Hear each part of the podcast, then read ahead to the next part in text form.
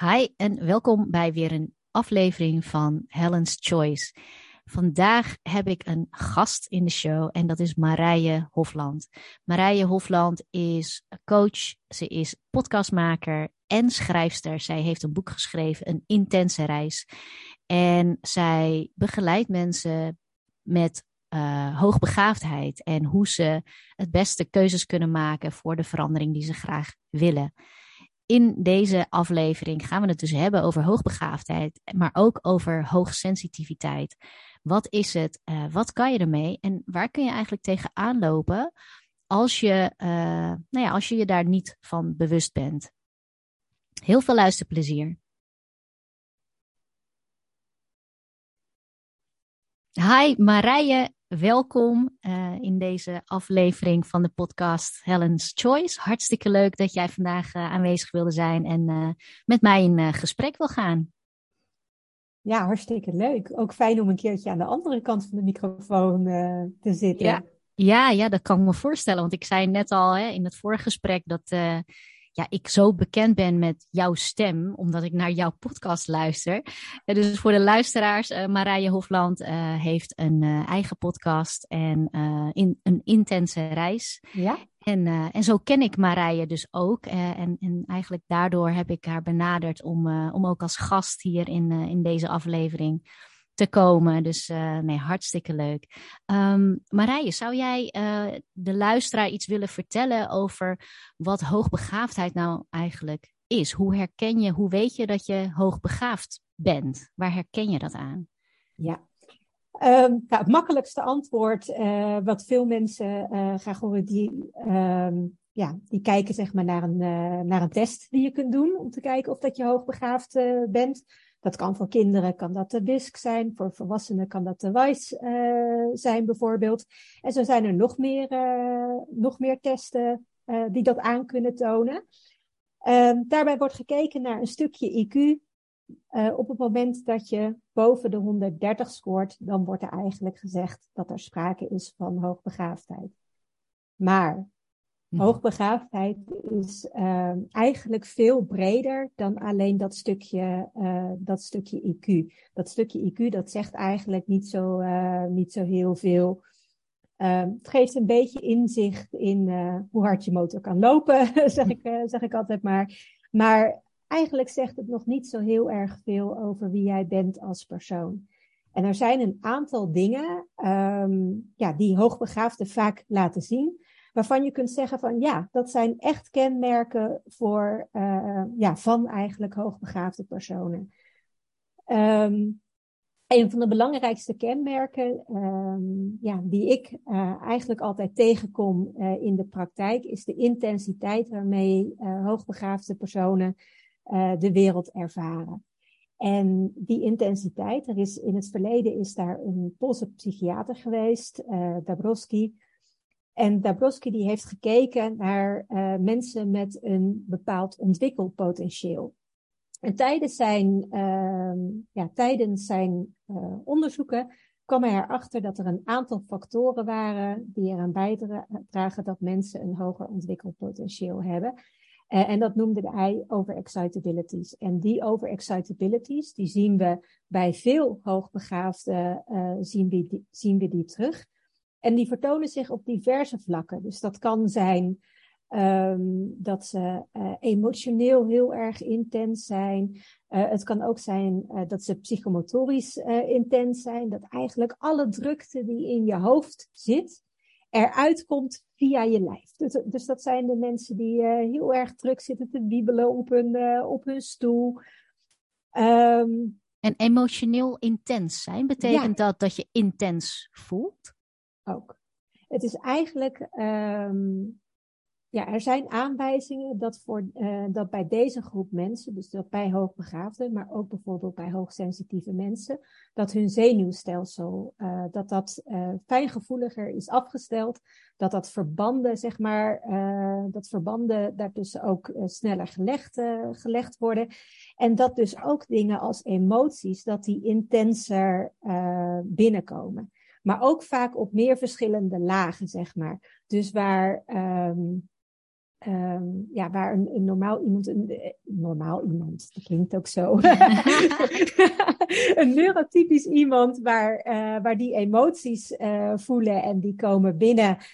Um, en ja, in vergelijking, vergelijking met een hoogbegaafd iemand blijft dat een klein beetje op de, ja, aan de oppervlakte, zeg maar. Het gaat veel dieper. En wat je ook ziet bij veel uh, hoogbegaafde mensen, is dat uh, ze ook veel meer schommelen. Zeker op het moment dat, uh, dat er sprake is van emotioneel zware periodes, dat ze echt kunnen schommelen tussen die verschillende emoties. Dus dat iemand op een bepaald moment intens verdrietig kan zijn en dan het volgende moment weer uh, kan schaterlachen en echt dankbaar kan zijn en compleet gelukkig kan zijn.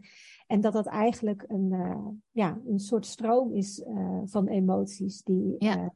ja die doorloopt, ja. zeg maar. Wat soms ook best wel lastig kan zijn. Want heel veel ehm, mensen die denken, stel je nou niet stel je nou niet aan.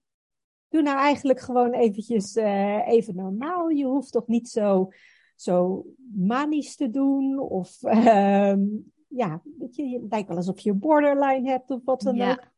Maar dat is eigenlijk gewoon. Uh, dus voor anderen is het vaak te veel. Te ja. veel emotie. Ja, anderen die kunnen dat ervaren als te veel. En als je vaak genoeg dat spiegeltje voorgehouden krijgt van joh, je bent te veel, doe nou eventjes normaal. Um, doe eens eventjes rustig aan, stel je niet aan. Dan ga je zelf op een gegeven moment ook misschien wel uh, het gevoel hebben dat je te veel bent. Ja. Wat natuurlijk je zelfbeeld uh, ook, niet, uh, ook niet ten goede komt. Nee. En is het zo, want je zegt van, hè, het IQ is dan 130 of hoger. Is ja. het zo dat iedereen met een IQ hoger dan 130 automatisch ook hoogbegaafd is, of dat niet? Nee, Nee. Dus echt in combinatie met. Het is, het is echt in, in combinatie met die zijnscanmerken. Dus dat is eigenlijk. Nou ja, ik, ik neem daar vaak dus ook die intensiteit uh, mee, buiten de dingen die we genoemd hebben. Uh, dus het emotioneel psychomotorische heb je ook een, een verbeeldingskracht. Nou, die zien we vaak heel sterk bij mensen waarvan ze zeggen van ja, die zijn creatief uh, begaafd. ook het, het, intellectuele, dus echt heel erg um, uh, alles willen weten, alles willen ontdekken, continu vragen stellen. Dit zijn de, de kinderen die al vroeg begonnen zijn met mama, waarom dan? Waarom ja. dan? En die eigenlijk gedurende hun hele leven nooit zijn gestopt bij het stellen van die vraag waarom. Ja. Waarom zijn de dingen zoals, uh, zoals ze zijn? Um, ja, en naast, uh, naast die intensiteit, zeg maar, zijn er nog een aantal uh, andere kenmerken die, die typerend zijn. vaak zie je dat deze mensen een heel hoog rechtvaardigheidsgevoel hebben. Um, ja, wat betekent dat ze zich ook de dingen die eigenlijk oneerlijk zijn in de wereld ook um, heel erg persoonlijk aan kunnen trekken. Dus dat kan zijn uh, mensen die niet eerlijk uh, behandeld worden op, uh, op de werkvloer, bijvoorbeeld, waar mensen echt, echt botsen. maar het kunnen ook de grotere, grotere dingen zijn, zeg maar, zoals milieuverontreiniging of um, ja, waarom is de, de oorlog in de Oekraïne nu, ja. nu nodig, zeg maar. En natuurlijk, dat zijn dingen die vinden we allemaal erg. Um, maar bij heel veel hoogbegaafden die zich dit soort vragen stellen, raakt dat hen uh, eigenlijk nog op een niveau dieper dan dat dat uh, normaal gesproken bij mensen doet. Normaal gesproken kijken mensen naar het journaal en die denken van, dit vind ik, dit is iets dat gaat me echt aan het hart. Dit zijn mensen die kunnen daar echt niet van slapen. Die hebben echt het gevoel dat ze uh, er iets mee moeten doen. Die kunnen soms zelfs gewoon het journaal uh, niet meer kijken of de krant niet meer openslaan. Omdat ja. Ja, ze eigenlijk het leed uh, in de wereld en de oneerlijkheid in de wereld tot op het bot voelen. En ja. ja. dat is soms best lastig. ja, en ik, ik kan me voorstellen voor de, de luisteraar die dit nu hoort die denkt van ja, hoogbegaafd, ik, ja, misschien herken ik een aantal dingen. Kun je iets zeggen over wat zijn nou, stel dat je niet weet dat je hoogbegaafd bent, waar, waar kun je dan eigenlijk allemaal tegenaan lopen? Uh, ja, je kunt uh, je kunt tegen eigenlijk best wel wat dingen aanlopen. En als we kijken naar de meeste uh, hoogbegaafden, ik, ik, begeleid ook hoogbegaafde jongeren en volwassenen ehm, vanuit mijn praktijk. En als we kijken naar waar de meeste ehm, tegenaan lopen, dan zien we een aantal hulpvragen die vaak terugkomen. Ja, ten eerste is dat al het je anders voelen dan iedereen. Vaak zie je dat mensen het heel moeilijk vinden om aansluiting te vinden bij andere, andere mensen. En dat dat echt een heel diep gevoel van eenzaamheid met zich mee kan, met zich mee kan brengen. Um, en ook een laag zelfbeeld. Want in plaats van dat mensen gaan kijken naar hun eigen omgeving en hoe die omgeving aansluit op hun eigen behoeften, zijn mensen eerder geneigd om in zichzelf te gaan. Om te kijken van oké, wat kan ik nu doen om ervoor te zorgen dat ik ga aansluiten op de omgeving? En ze hebben dus heel vaak het gevoel dat er echt iets mis is uh, ja, met, met, hen, zelf. met henzelf. Ja. In plaats van dat ze denken uh, ja, dat ze misschien uh, niet helemaal in het plaatje passen. En dat maakt gelijk een mooi bruggetje naar een volgend, volgend punt, wat ik net al zei, is dat veel hoogbegaafden ook gewend zijn om zich aan te passen aan hun omgeving. Nou, dat is iets als we, um, ja, als we um, kijken, dan zien we dat vaker bij uh, hoogbegaafde vrouwen dan dat we dat zien bij hoogbegaafde mannen. Maar mm-hmm. beide kunnen dat, uh, kunnen dat in zich hebben. En die gaat zich eigenlijk aanpassen. Dus um, ja, die gaan uh, proberen minder intens te reageren. Die gaan uh, proberen minder vragen uh, te stellen. Die gaan zichzelf uh, ja, wegleren cijferen om ervoor te zorgen dat ze niet te zijn. die gaan niet meer voldoen aan hun eigen, eigen behoeften die ze hebben om bijvoorbeeld te leren, om zichzelf te ontwikkelen, om heel veel dingen bijvoorbeeld uit te proberen. Die gaan eigenlijk zich eh, hun hele leven en hun manier van zijn aanpassen, zodat het binnen het hokje past wat we in de, ja, waar onze maatschappij eigenlijk voor, voor gemaakt is. En aan de andere kant, een belangrijk kenmerk van hoogbegaafdheid is ook um, de behoefte aan autonomie.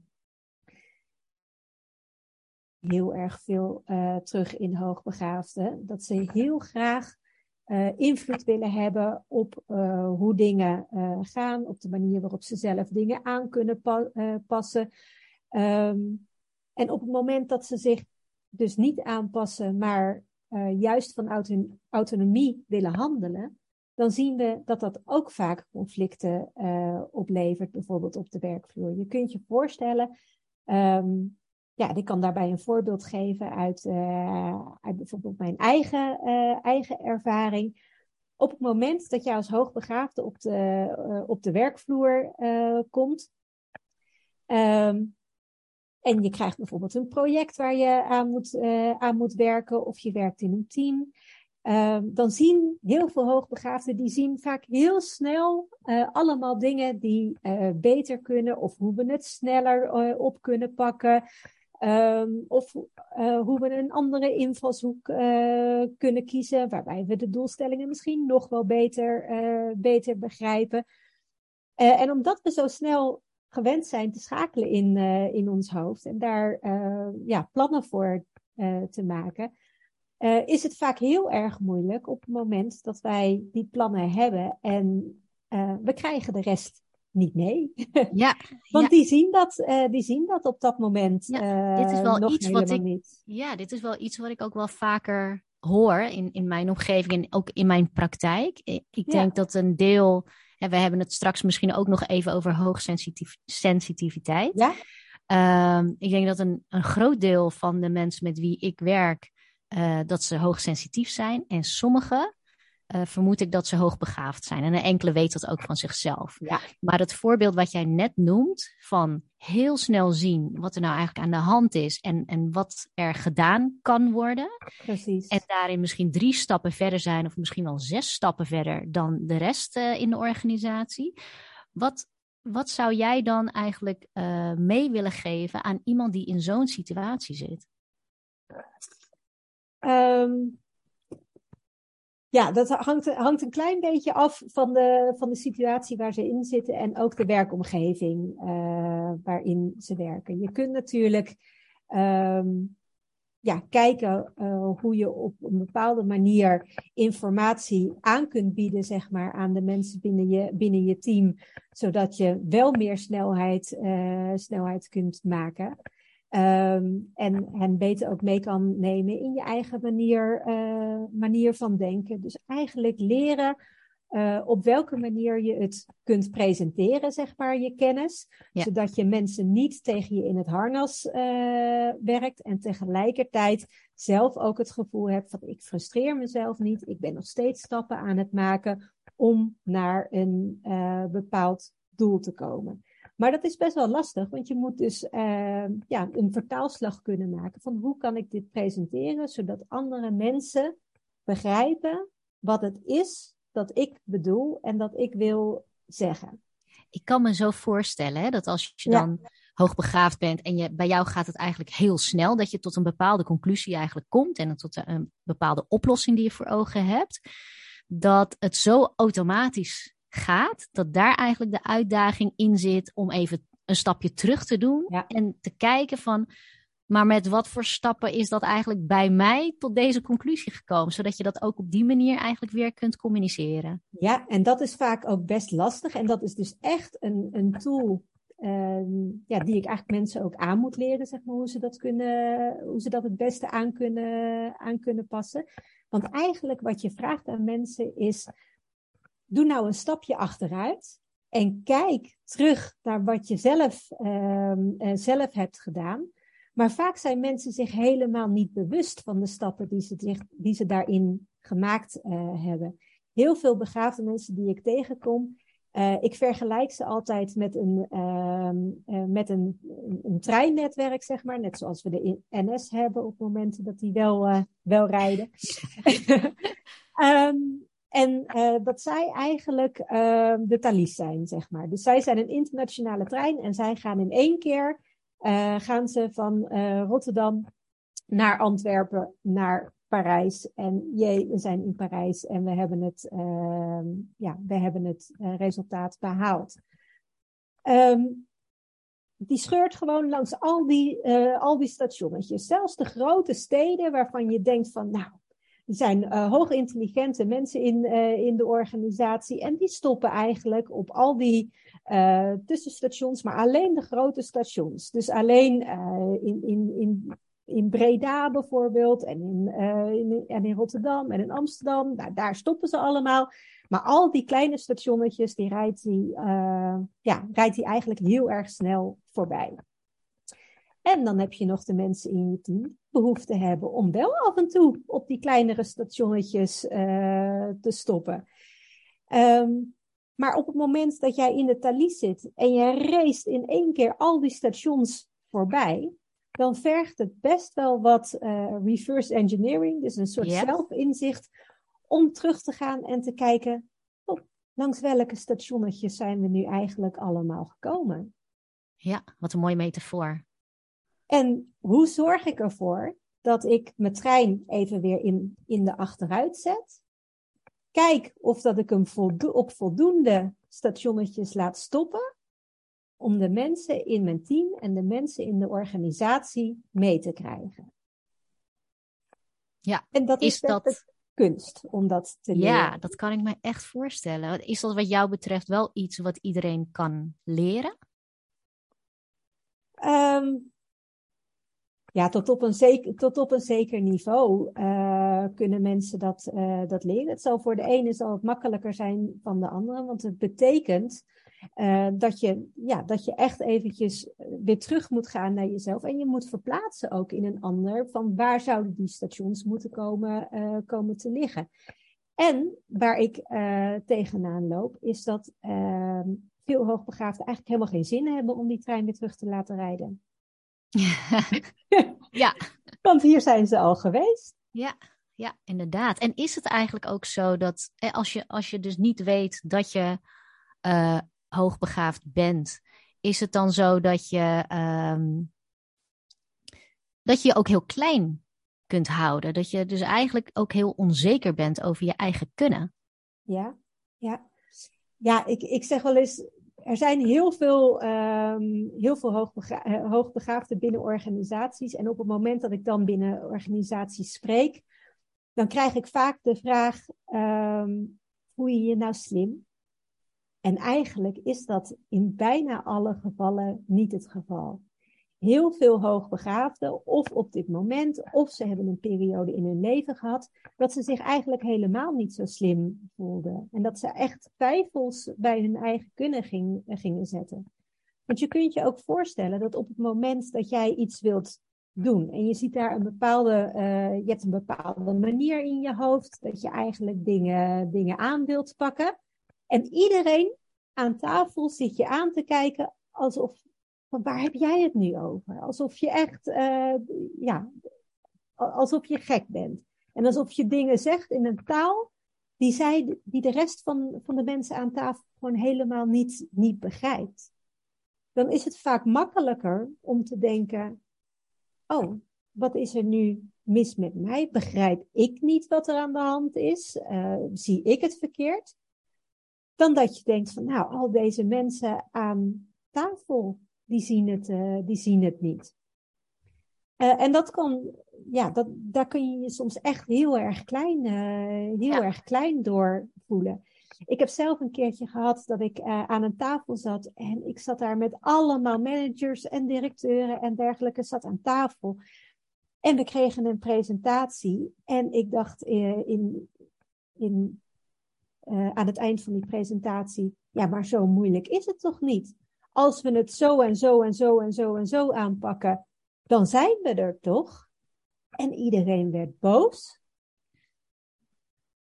Omdat, ja, voor, hen, voor, voor hun gevoel was dat helemaal niet zo, zo simpel als dat het bij mij was.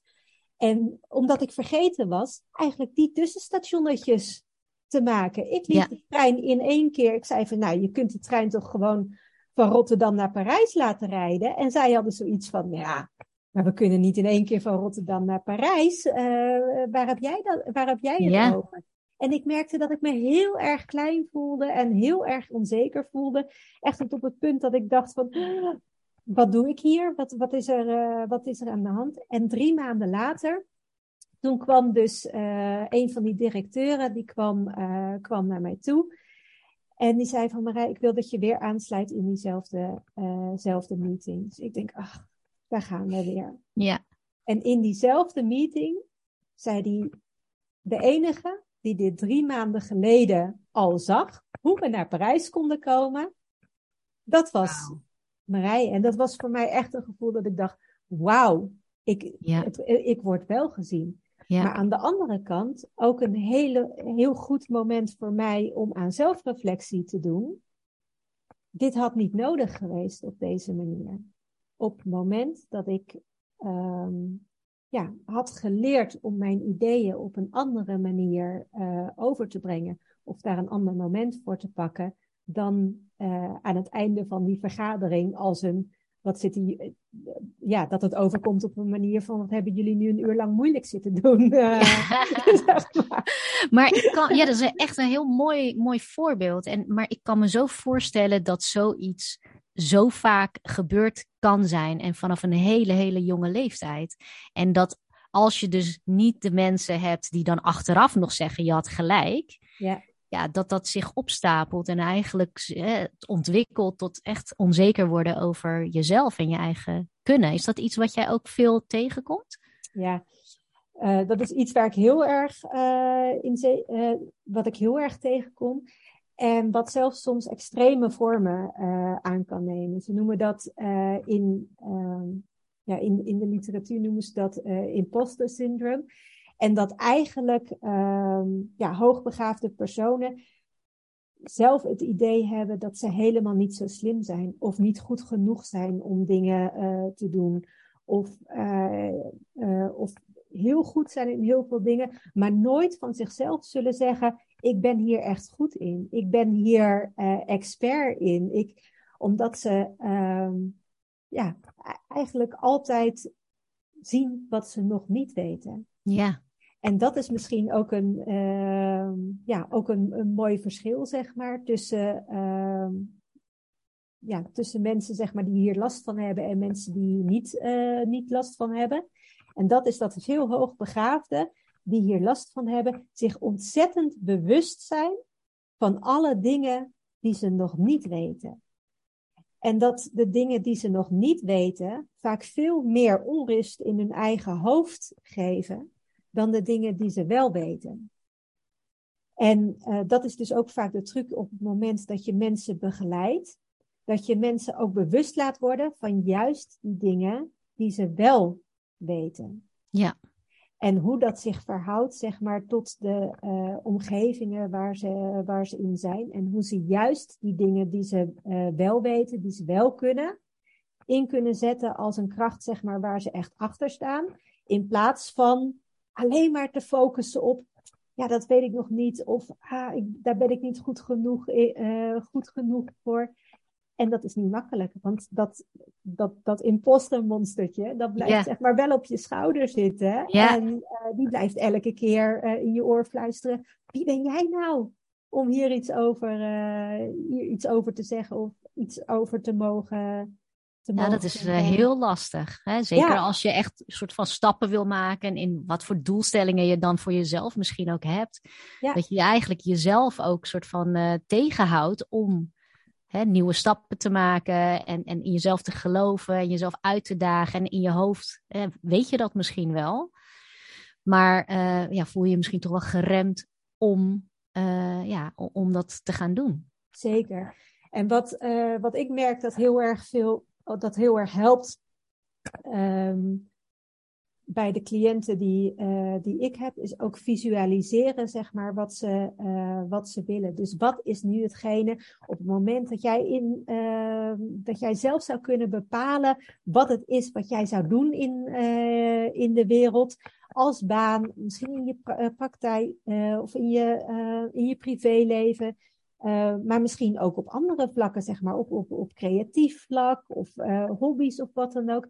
Wat zijn nou de dingen als jij zelf vertrouwen zou hebben in jezelf, in je eigen kunnen, en je zou een carte blanche hebben? Waar zou je graag naartoe willen, uh, willen werken? Ja. En dan samen ook te kijken als een soort oefening, wat zijn al de dingen die je daarvoor kunt? En op welke schaal, wat is, uh, wat is nu je eigen vertrouwen, zeg maar, daarin? Wat hebben we ervoor nodig? Hoe vertrouw je jezelf daarin?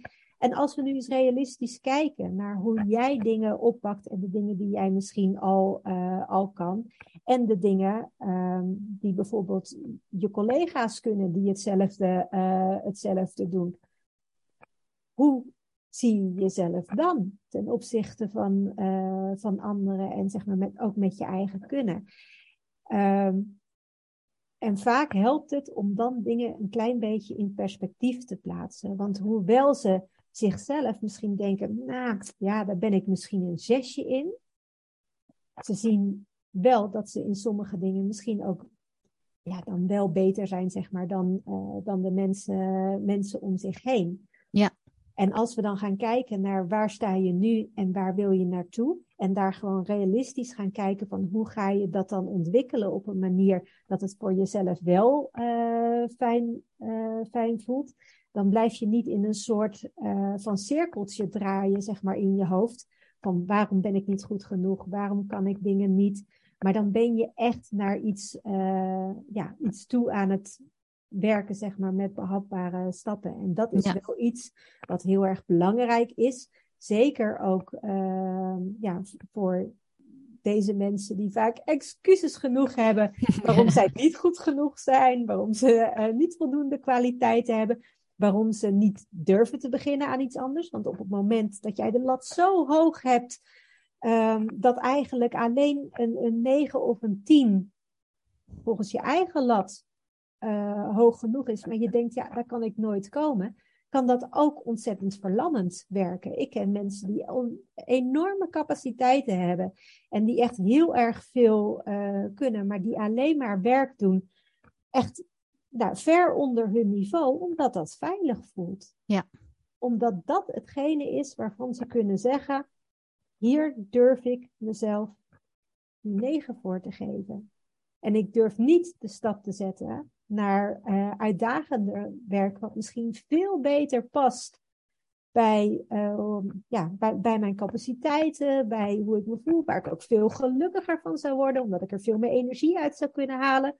Omdat het gewoon zo verlammend werkt, dat ze niet met zekerheid kunnen zeggen dat ze dat net zo goed ja, ik kan me ook zo voorstellen dat uh, de angst om te falen, of om dingen verkeerd te doen, of dat het toch niet goed uitpakt, dat dat enorm groot is en een enorme belemmering om gewoon dingen uit te proberen en ervoor te gaan.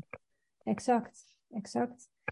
Ja, en dan, uh, dan is het soms, het is niet makkelijk. Het is een proces op het moment dat jij echt al vanaf kind af aan enorme angst hebt gehad, zeg maar, om te falen. Het is niet dat daar een trucje is en dat je van op de een op de andere dag denkt van, nou, dit ga ik, uh, ga ik gewoon proberen. Maar het is wel fijn op het moment dat er iemand, uh, als je daar echt last van hebt, met je meekijkt. En dan echt kijkt van, oh, maar waar zou je nou naartoe willen gaan? Ja. En hoe gaan we nu daar komen en daar dan uh, jou helpt om daar behapbare stapjes van, uh, van te maken. En dat is niet altijd makkelijk, want je bent gewend dat je in die sneltrein zit en dat je die sto- tussenstationnetjes niet hoeft te maken. Ja, ja maar, maar dat kan wel. Ja, die, uh, die, die, die jou helpt, zeg maar, die tussenstationnetjes tussen waar sta je nu en waar wil je naar uh, te komen, om samen te gaan bepalen waar zullen we die neerzetten, zodat het veilig voelt. En die tussenstationnetjes hebben op dat moment misschien heel weinig te doen met, te maken met jouw capaciteiten. Want misschien heb jij wel de capaciteiten om in één keer van Amsterdam naar Parijs te gaan. En zou dat ook lukken? Maar op het moment dat het zo verlammend werkt om in één keer naar die, uh, ja, in die intercity, zeg maar, die internationale trein te stappen, voelt het misschien wel veilig om toch samen te kijken van hoe gaan we nu die lat eventjes op een plek neerleggen dat het wel voor jou veilig genoeg voelt om de eerste stap, uh, stap te, te, zetten, zeg maar. Ja. En daar heeft het vaak mee te maken, een stukje, een stukje veiligheid wat je, wat je inbouwt. En je gaf net uh, ook hele mooie voorbeelden uit je eigen praktijk. Ja. Um, hoe ben jij tot de ontdekking gekomen dat je hoogbegaafd bent? Ja, um, Eigenlijk was dat toen ik 25 uh, was. Toen uh, kreeg ik een baan als marketingmanager uh, aangeboden. En toen deden we met het hele managementteam deden we een assessment. waarbij er nou, een IQ-test werd afge afgenomen, een EQ-test werd, er, werd, werd er afgenomen uh, interviews gegeven en dergelijke. En toen uh, nou ja, kwam ik er dus achter dat ik in ieder geval een IQ had wat boven die uh, eh, 130 kwam. Maar eigenlijk op dat moment deed ik daar nog niet zo, uh, zo heel erg veel mee. Ik dacht van, nou ja, goed, dat is leuk, maar ja, weet je, er werd, bij ons thuis werd ook gezegd van, nou, uh, dat hebben we bijna allemaal. Dus, uh, dus dat is normaal. dat, maakt je, dat maakt je nog niet zo bijzonder. Dus uh, ga maar gewoon door. Dus ik had er eigenlijk nooit zo heel erg bij stil gestaan. En pas op het moment dat, ja, dat mijn zoon zeg maar ook hoogbegaafd bleek te zijn. En dat ik erachter kwam dat hoogbegaafdheid eigenlijk veel meer was dan alleen dat stukje uh, IQ. Dat we ook zeg maar de intense manier waarop hij in het leven stond, uh, zijn perfectionisme, zijn faalangst, um, zijn uh, drang naar autonomie, um, het grote gevoel voor rechtvaardigheid, allemaal dingen waar hij tegenaan liep, dat dat voortkwam zeg maar uit, uit zijn begaafdheid. Uh, ben ik gaan kijken en, uh, en, en gaan onderzoeken, ja, wat betekent nou die begaafdheid? Wat betekent dat eigenlijk nu voor mij? En wat heeft dat, als ik terugkijk zeg maar naar mijn leven, voor een invloed gehad op de manier waarop ik uh, invulling gaf zeg maar aan mijn leven? De manier waarop ik um, omging bijvoorbeeld met, met vriendschappen, de manier waarop ik uh, omging met de dingen die ik meemaakte in, in mijn leven, maar ook de manier waarop ik ehm, studies heb gedaan en de manier waarop, ehm, waarop ik aan het werk, werk kwam. Ik kwam er bijvoorbeeld achter dat ik, ehm, ja, dat ik tijdens mijn werk heel vaak in conflict, conflict situaties terecht kwam. Nou, ik noemde net al een, een voorbeeldje. Maar zo waren er eigenlijk uh, ja, meerdere voorbeeldjes. Want ik moest ook leren om om te gaan zeg maar, met, een, met een team. Ik had in eerste instantie de neiging om gewoon mensen te zeggen: Nou, als jij nou gewoon dit, dit, dit doet. En jij doet dit, dit, dit. En jij doet dit, dit, dit. En dan vervolgens zei ik van: Nou, dat hebben we toch mooi als team gedaan. maar dat hebben we eigenlijk niet als team gedaan. Ik heb mensen alleen maar gezegd wat ze nu, uh, nu moesten doen. Dus dat gaf best wel veel uh, situaties um, ja, waarin ik echt uh, conflicten, conflicten had. En ik wilde ook eigenlijk alleen maar werken aan dingen die er voor mijn gevoel toe deden. Ja. Op het moment dat, dat een baas waarvoor ik werkte heel erg veel geld verdiende, maar ik had het idee ja, we worden nu betaald voor iets wat het geld niet waard is of de moeite niet waard is. Ja, dan gaf mij dat heel erg veel innerlijke onrust om, uh, ja, om, om daar te blijven, blijven werken. En ik wilde ook in een heel snel tempo. Ik wilde maar uh, me blijven ontwikkelen, zeg maar. Dus dat betekende ook dat als ik in functie zat, dat ik heel snel dacht: is dit het nou? Ja. En dat ik dan heel erg op zoek ging in organisaties naar bijvoorbeeld nieuwe uitdagingen. Kom maar op met al die uh, lastige, lastige projecten of um, teams die aangestuurd moeten worden of wat dan ook. Uh, waar, waar van iedereen dacht van oeh, wil je dat nu wel doen? Dat waren juist de dingen waar ik energie uh, van kreeg. En achteraf vielen daar heel erg veel dingen die vielen op, op zijn plek. Dat ik dacht, dat komt dus daaruit uh, uit voort. Ja, en, en, en jouw, jij hebt dus eigenlijk uh, echt wel jouw persoonlijke onderzoek gedaan. Hè? Dus je bent echt gaan kijken van, weet je, wat, wat kom ik eigenlijk allemaal tegen? Wat, waar ben ik tegen aangelopen? Kan het daarmee te maken hebben? Maar eigenlijk voordat je dat deed, toen je dat wel meemaakte met jouw zoon, zag je toen meteen al dat je dacht van hé, hey, maar dat herken ik ook bij mezelf? Of had je dat in eerste instantie juist niet? Had je gelijk zoiets van misschien ben ik ook wel hoogbegaafd? Of heb je eigenlijk een tijd gedacht dat dat niet zo was? Ja, dat, ik denk dat heel veel hoogbegaafden uh, toch wel denken, oh, er zal een foutje gemaakt zijn. Of, uh, en ik had zelf eigenlijk helemaal niet het gevoel uh, ja, dat, ik, dat ik hoogbegaafd was. En ik moet ook zeggen dat uh, ik pas um, me daar echt in ging herkennen en ook echt terug ben, uh, ben gaan kijken. Toen mijn zoon eindelijk de begeleiding kreeg, zeg maar, die hij nodig had. En zij eigenlijk, uh, om hem te helpen, ook vragen aan mij gingen stellen. Van, hoe was dat nou als kind? Hoe beleef jij dat nu? Hoe ga jij hiermee om? En dat was uh, ja, voor ons heel erg waardevol, want doordat ik eigenlijk op dat moment voorleefde voor hem, hoe ik als hoogbegaafde uh, in mijn kracht kon, kon staan, zeg maar, om, uh, ja, zodat ik me niet meer raar voelde of niet meer eenzaam voelde en um, mijn autonomie pakte om mij te ontwikkelen, zeg maar, op een manier uh, zoals ik die zelf voor ogen had, doordat ik dat voor kon leven aan uh, mijn eigen kind.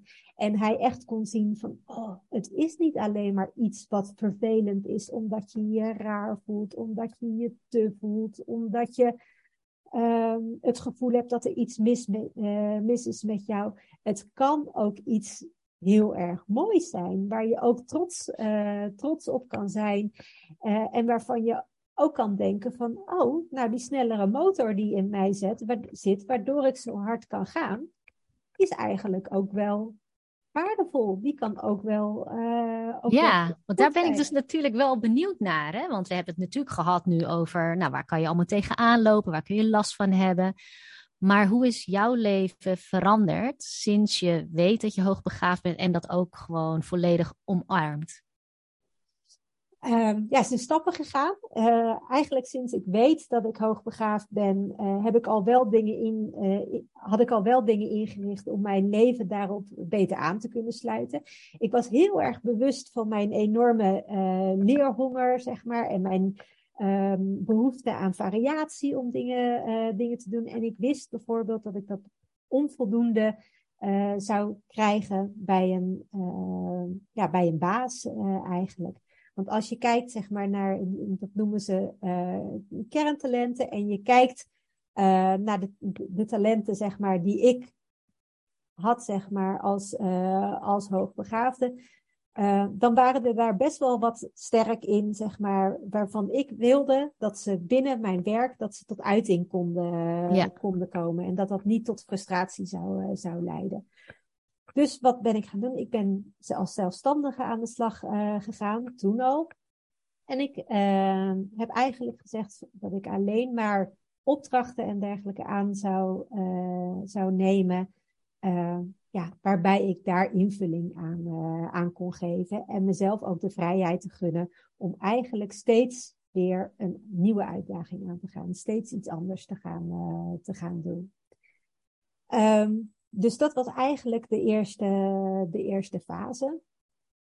Uh, tweede fase, toen ik echt merkte hoe ik dat, wat het voor mij betekende, zeg maar, en hoe ik het ook uh, verder in kon zetten als kracht, um, was dat ik dacht van, oké, ik wil niet alleen de dingen doen die voor mij fijn zijn om, uh, om mezelf te ontwikkelen, dus de dingen waar ik energie van krijg, maar ik wil ook, ehm, ja, dingen doen eigenlijk die ertoe doen. En daar komt dat stukje uh, rechtvaardigheid uh, om de hoek kijken, zeg maar. Dat stukje ma maatschappelijk betrokkenheid. Het stellen van existentiële vragen, zeg maar. Eigenlijk uh, ja, was ik me heel erg bewust dat wat ik deed, dat ik daar energie uithaalde. Uh, nou, dat de resultaten die ik uh, behaalde goed, uh, goed was, dat ik voldoende variatie had. Maar wat ik miste was dat stukje er te doen, echt te doen, zeg maar, voor anderen. En toen ben ik dat eigenlijk in gaan richten om al die ervaring uh, mee te nemen. En dus ook um, ja, anderen. in eerste instantie waren dat ouders van hoogbegaafde kinderen. Te ondersteunen, zeg maar, hoe zij uh, ja, hun kennis en misschien hun eigen begaafdheid en dergelijke in konden zetten om hun kinderen uh, ja, tot, bloei te laten, tot bloei te laten komen eigenlijk. En later merkte ik van, oh, heel veel mensen die via hun kinderen bij mij terechtkomen, die komen erachter dat de appel toch niet zo heel erg ver van de boom valt, zeg maar. En dat hun kind het misschien toch niet van een vreemde uh, heeft.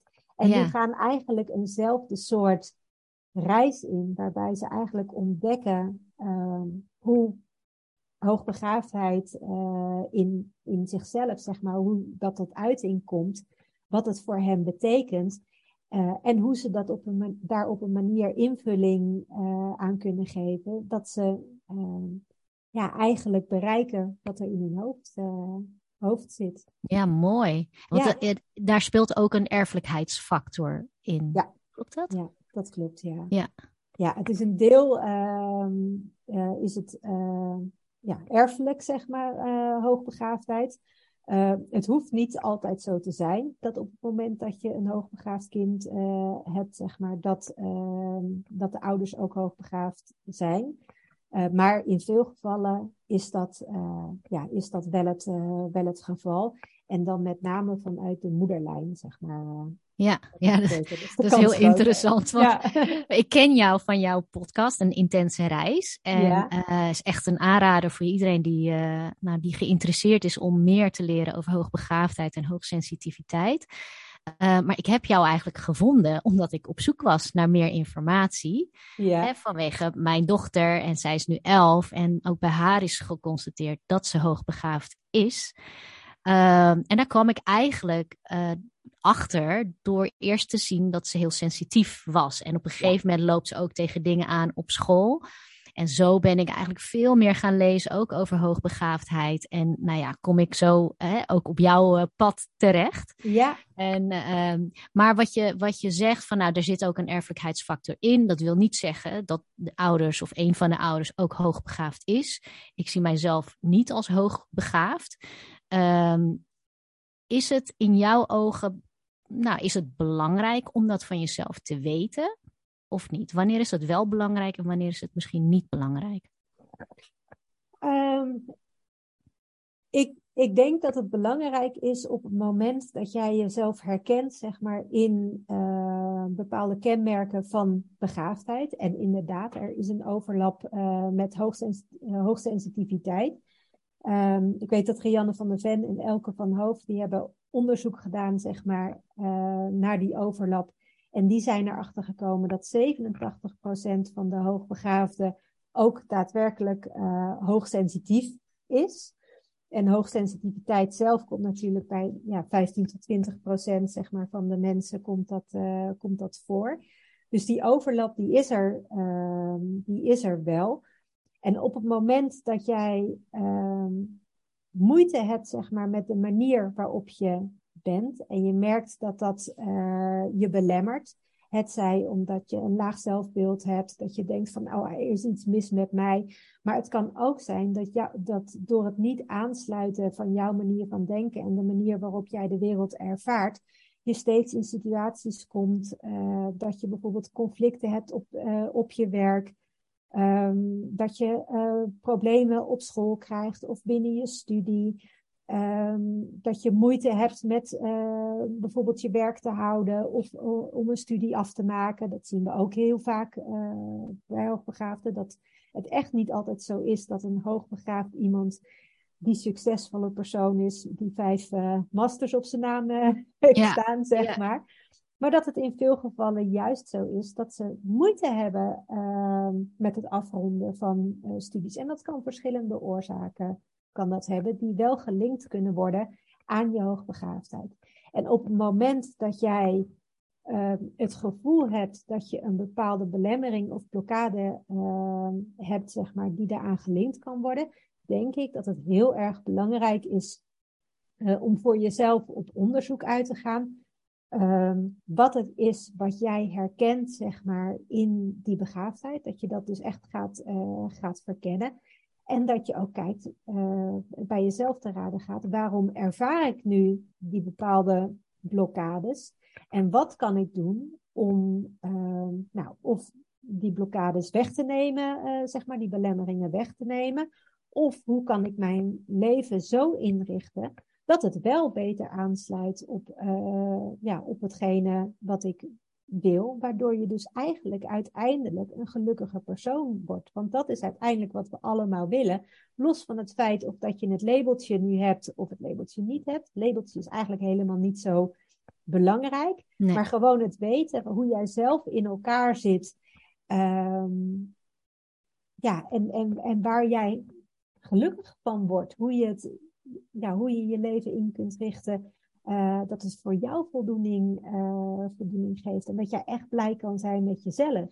Ja. Daarom is het belangrijk om het, uh, om het te weten. Want vaak is het makkelijker om dingen van jezelf te accepteren en een plekje te geven op het moment dat je weet waar het vandaan komt. Ja. Want dan kun je het zelf ook beter begrijpen. Ja, precies. En je, je gaf ook aan van uh, 87% van de hoogbegaafden is hoogsensitief. Ja. Kan het zo zijn dat, hè, want we hebben het ook gehad over een heel sterk aanpassingsvermogen van veel mensen, waardoor je eigenlijk hè, gewend bent om je aan te passen aan, aan de omgeving. Kan het zo zijn dat je jezelf bijvoorbeeld niet ziet als een sensitief persoon, terwijl je dat misschien wel bent? Omdat je zo, je, je zo hebt geleerd om je aan te passen. Ja, dat kan zeker. Um, nou, het zijn mooie voorbeelden, uh, of mooie. Mooi is in deze context niet het, uh, niet het goede woord. Maar heel veel uh, begaafden zijn zo gewend om zich uh, aan te passen. En die voelen dus alle, alle prikkels bijvoorbeeld die bij hen binnenkomen, voelen zo overweldigend dat eigenlijk hun, hun, lijf, hun, hersenen als, als een soort beschermingsmechanisme heeft geleerd, zeg maar, om al die prikkels uh, te blokkeren. Waardoor zij eigenlijk het idee hebben van, nou, ik ben helemaal niet zo uh, sensitief, zeg maar. Niet op zintuigelijk vlak, maar ook uh, qua emoties. Soms zijn ze echt helemaal, uh, helemaal afgestompt. En als we dan kijken naar bijvoorbeeld die nieuwsgierigheid, wat ook bij beide vaak voorkomt, zeg maar. Dus echt die ontdekkingsdrang, die we terugzien bij hoogsensitieve personen en ook terugzien bij hoogbegaafde personen. dan wordt dat ook soms uh, afgestomd. Op het moment dat jij echt in een, uh, uh, in een omgeving zit waar, waar, waar, je elke keer teruggeduwd bent eh, op het moment dat jij echt iets wilde ontdekken op een manier waarop dat bij jou, bij jou paste, ehm, ja, dan hou je daar op een gegeven moment ook op. En dan word je daadwerkelijk ehm, ja, dat vierkantje wat in het uh, rondje gestopt wordt. Ja. En waarvan je denkt van, nou ja, ik, uh, ik pas me wel aan en ik doe alsof ik uh, ja, normaal tussen, aanhalings, tussen aanhalingstekens ben. En vaak um, vergt dat ook nog best wel wat oefening om echt die, die kant van jezelf weer, weer terug te vinden.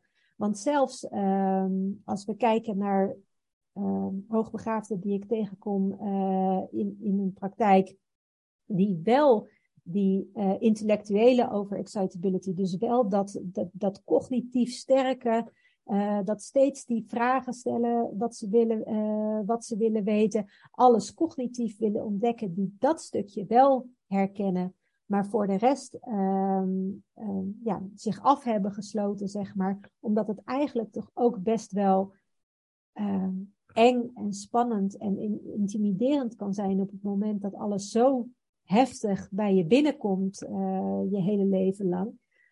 Um, dat ik merk dat mensen echt de verbinding weer moeten leren leggen tussen wat ze denken in hun hoofd en wat ze voelen in hun lijf. Ja. Alsof ze echt op slot zitten, alsof daar echt een, een, een dam tussen de verschillende dingen zit en het stroomt niet. Ja. En dat ook weer leren stromen, het leren voelen, niet alleen het uit je hoofd leven, wat voor veel hoogbegaafden echt de veilige haven is, want daar voelen ze zich soms, ook niet altijd, maar vaak wel uh, sterker, zeg maar, dan, uh, dan anderen. Dat hebben ze misschien als een kracht in, uh, in kunnen zetten. het voelen, het echt met je hele zijn leven, ja, dat is vaak een dingetje wat nog uh, verder ja. ontwikkeld moet worden. Ja. Nou, dat is mooi dat je dat zo, uh, zo benoemt. Kijk, dat is een stuk, dat herken ik zeker wel. Hè? Dus als je, ik ben heel erg uh, gewend om heel erg te schakelen met mijn hoofd. Ja. ja dus ik pas me heel makkelijk aan en ja. blijf heel makkelijk positief en ik ga heel makkelijk gewoon door. En eigenlijk toen ik ging ondernemen, en ik wilde gaan coachen, want dat is niet wat ik daarvoor had gedaan. Ja. Toen had ik wel zoiets van, ja, maar ik moet de gevoelskant veel meer ontwikkelen. En ik vertelde toevallig vandaag nog aan iemand dat de eerste coach die ik voor mezelf inschakelde, ja. was een intuïtiecoach. Omdat ik dacht dat ik niet intuïtief was, maar eigenlijk met hulp van die coach heb ik gewoon ontdekt van ja, maar ik ben wel intuïtief, alleen had ik dat nooit gezien. En door die link te kunnen leggen van hé, hey, dat zit wel in mij, uh, kon ik dat ook veel meer ontwikkelen. En heb ik eigenlijk de jaren daarna daar ontzettend veel in geïnvesteerd om uh, te kunnen vertrouwen op mijn intuïtie, om het te herkennen, uh, maar ook om veel diepgaander te kunnen voelen. Dus ik herken dat stuk wat je dan en ja. noemde, dat herken ik mooi. ontzettend. En, en, en, toen ik dat bij mijn dochter eigenlijk zag van hé, hey, zij is echt hoogsensitief, was voor mij ook echt een soort eye-opener van wauw, zij kan echt voelen, echt intens voelen. Ja, ik ken dat niet op die manier. Ook niet van toen je, uh, toen je kind was, als je nee. ook niet. Nee, kan ik, me niet, kan ik me niet herinneren. En eigenlijk pas in de afgelopen jaren dat ik, eigenlijk door het ondernemerschap, ben ik ook echt zoveel op het gebied van persoonlijke ontwikkeling gaan doen voor mezelf. Ja. Ja, daarin zoek ik het wel op. Als ik zie van hé, hey, maar daar zit iets. Daar zou ik normaal gesproken nou, overheen praten, stappen en zeggen van joh, dat stelt niks voor. daar ging dan toch even stilstaan en, en, en kijken wat er nou echt onder zat. En, en heel vaak was dat dus gewoon uh, iets van een emotie, wat dan zo intens was, wat ik niet vaak in mijn leven op die manier zo intens heb gevoeld. En nu durf ik dat dan toe te laten. En dan realiseer je je nog meer hoe krachtig eigenlijk mijn, ja, mijn mentale gestel, noem ik het dan maar, maar hoe, hoe krachtig mijn hersenen eigenlijk zijn in het schakelen voor mijzelf in verschillende situaties. En dat maakt ook, dat is ook mijn, dat is ook mijn kracht. Daar ligt ook mijn kracht. Alleen heb ik inmiddels wel gemerkt van daar kan je niet alles mee. Dat is, dat is ook beperkt tot, weet je, op, op zekere hoogte. Je hebt ook die andere kant echt nodig. En hoe meer ik daarin uh, kon toelaten en kon ontdekken, uh, ja, hoe meer ik ook bijvoorbeeld ook mijn, mijn klanten bijvoorbeeld kan, kan bieden. Ook, uh, ook in de coaching sessies die ik geef, dat ik ook veel meer dingen ook zie en herken en ook daar iets mee kan. Omdat ik zelf dat stuk uh, echt heb kunnen, kunnen aanraken en heb kunnen om, omarmen, zeg maar. Zo belangrijk, hè? En kun je een voorbeeld noemen hoe je dat dan, uh, hoe je dat hebt gedaan voor jezelf? Dus echt die, die verbinding te maken tussen je hoofd en wat je um, ervaart qua emoties in je, in je lijf? Hoe je dat... Ja, uh, ik heb dat op verschillende manieren kunnen ervaren. Ik heb het soms met gesprekken met iemand die echt wel doorvroeg op het gevoel. Wat is dan het gevoel in je lijf? Hè? Dus echt ja. dat contact maken in plaats van er alleen maar over na te denken en dingen snappen, uh, ook echt doorvoelen. Uh, en veel meer ook in de praktijk ook gaan opmerken wanneer ik nou ja, me getriggerd voel, geïrriteerd ben, maar daar heel snel overheen stap. Uh, om dan soms toch de confrontatie bijvoorbeeld op te zoeken in, in, uh, in een gesprek waar ik normaal gesproken zou denken, nou weet je, laat maar zitten, dit is niet belangrijk. Uh, maar door die confrontatie bijvoorbeeld wel aan te gaan, voelde ik natuurlijk ook dingen. Want dan, dan voelde ik pas wat ik eigenlijk niet wilde voelen. En, en dat was gewoon dat ik het gewoon heel spannend vond. Of heel angstig. Of dat ik gewoon bang was voor een reactie. Of, uh, dus soms naar aanleiding van gesprekken en dan in combinatie met eigenlijk actie in de praktijk. Maar ik heb ook bijvoorbeeld een keer een, een uh, uh, EFT-sessie gedaan. Ja.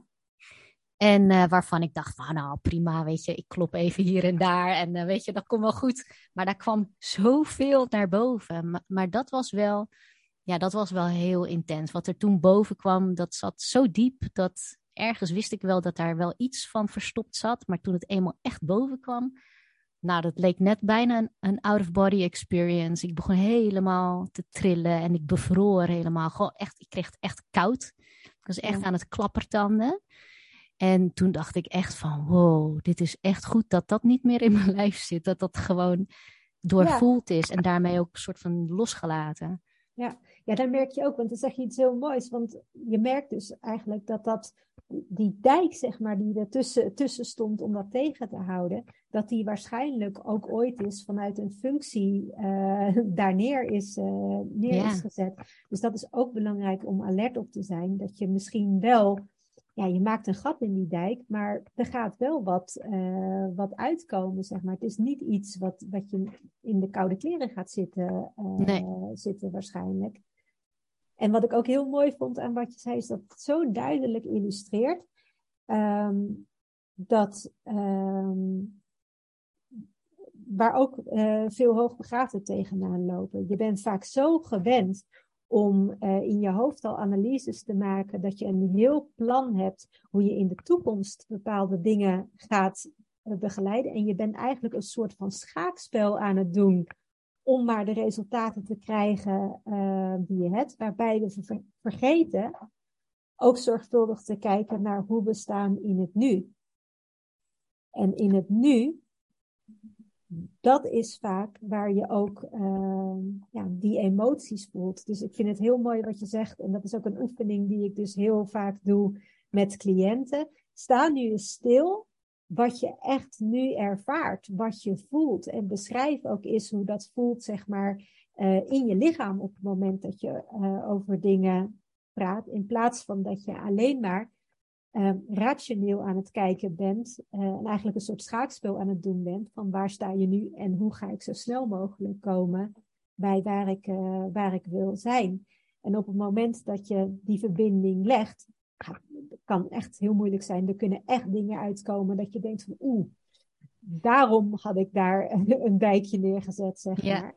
Maar op het moment dat, je, dat die dijk wel doorbreekt, ja, dan merk je dat de dingen die je, ehm, die je behaalt, zeg maar, in je leven, de doelstellingen die je behaalt, de manier waarop je je leven leidt, dat je daar ook veel meer energie uithaalt uh, voor jezelf omdat je zelf ook de emotie echt ervaart, lichamelijk met je hele zijn ervaart, die daarbij komt kijken. Dat je echt blij kunt zijn met een, uh, ja, met een resultaat wat je neerzet en het echt dieper ook kunt, uh, kunt ervaren. Ja, ja, nee, hartstikke mooi hoe je dat, uh, hoe je dat zegt.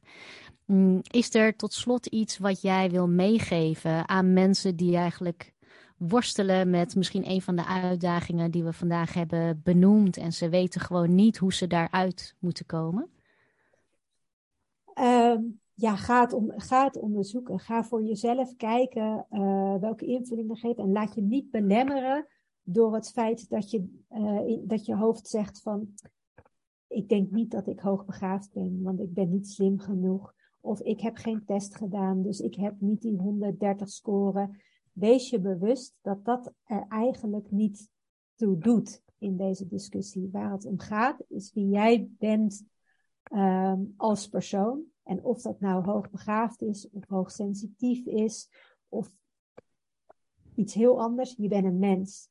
En daar gaat het om. En het is voor jezelf de ontdekkingsreis hoe jij zoveel mogelijk en zo waardevol mogelijk uh, resultaat kunt behalen, zeg maar, als mens. Hoe je het leven op een uh, ja, zo waardevol, fijne manier uh, kunt leven. En laat dat, laat dat de doelstelling ja. zijn. En stel jezelf niet afhankelijk op van welk, ja, welk labeltje dan ook. Ja. En als je het wilt gaan verkennen en je doet dat met een coach, zorg ervoor dat je een coach hebt uh, ja, die, dat, die dat ook begrijpt, zeg maar. En die ja. jou kan helpen uh, bij die ontdekkingsreis om te kijken van wat betekent die hoogbegaafdheid of die hoogsensitiviteit. Wat betekent het voor mij en wat wil ik als mens uit het leven halen. Supermooi. Hey Marije, als mensen nu denken van, uh, goh, ik wil wel meer over Marije weten, waar kunnen ze je vinden? Uh, ja, ze kunnen me vinden op uh, www.butterflypeople.nl. En tegelijkertijd, als er ook nog ouders uh, luisteren van hoogbegaafde kinderen, dan uh, ja, ondersteun ik die ook heel erg graag. Dat doe ik via een intense reis. Daar is de, uh, de URL van www.unintensereis.nl. nou, je noemde ook al de podcast. ja, waar mensen, ja, waar mensen meer informatie kunnen, kunnen vinden kun je gewoon zoeken op de website, maar ook op alle kanalen zoals Spotify of Apple Podcast. Ja.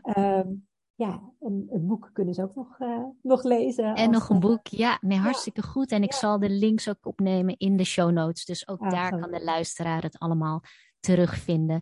Marije, ik vond het een heel mooi gesprek. Dank je wel voor je openhartigheid en voor het delen van wat je, wat je weet en je ervaring. En uh, ja. nou, wie weet tot een volgende keer. Jij bedankt. Heel erg fijn.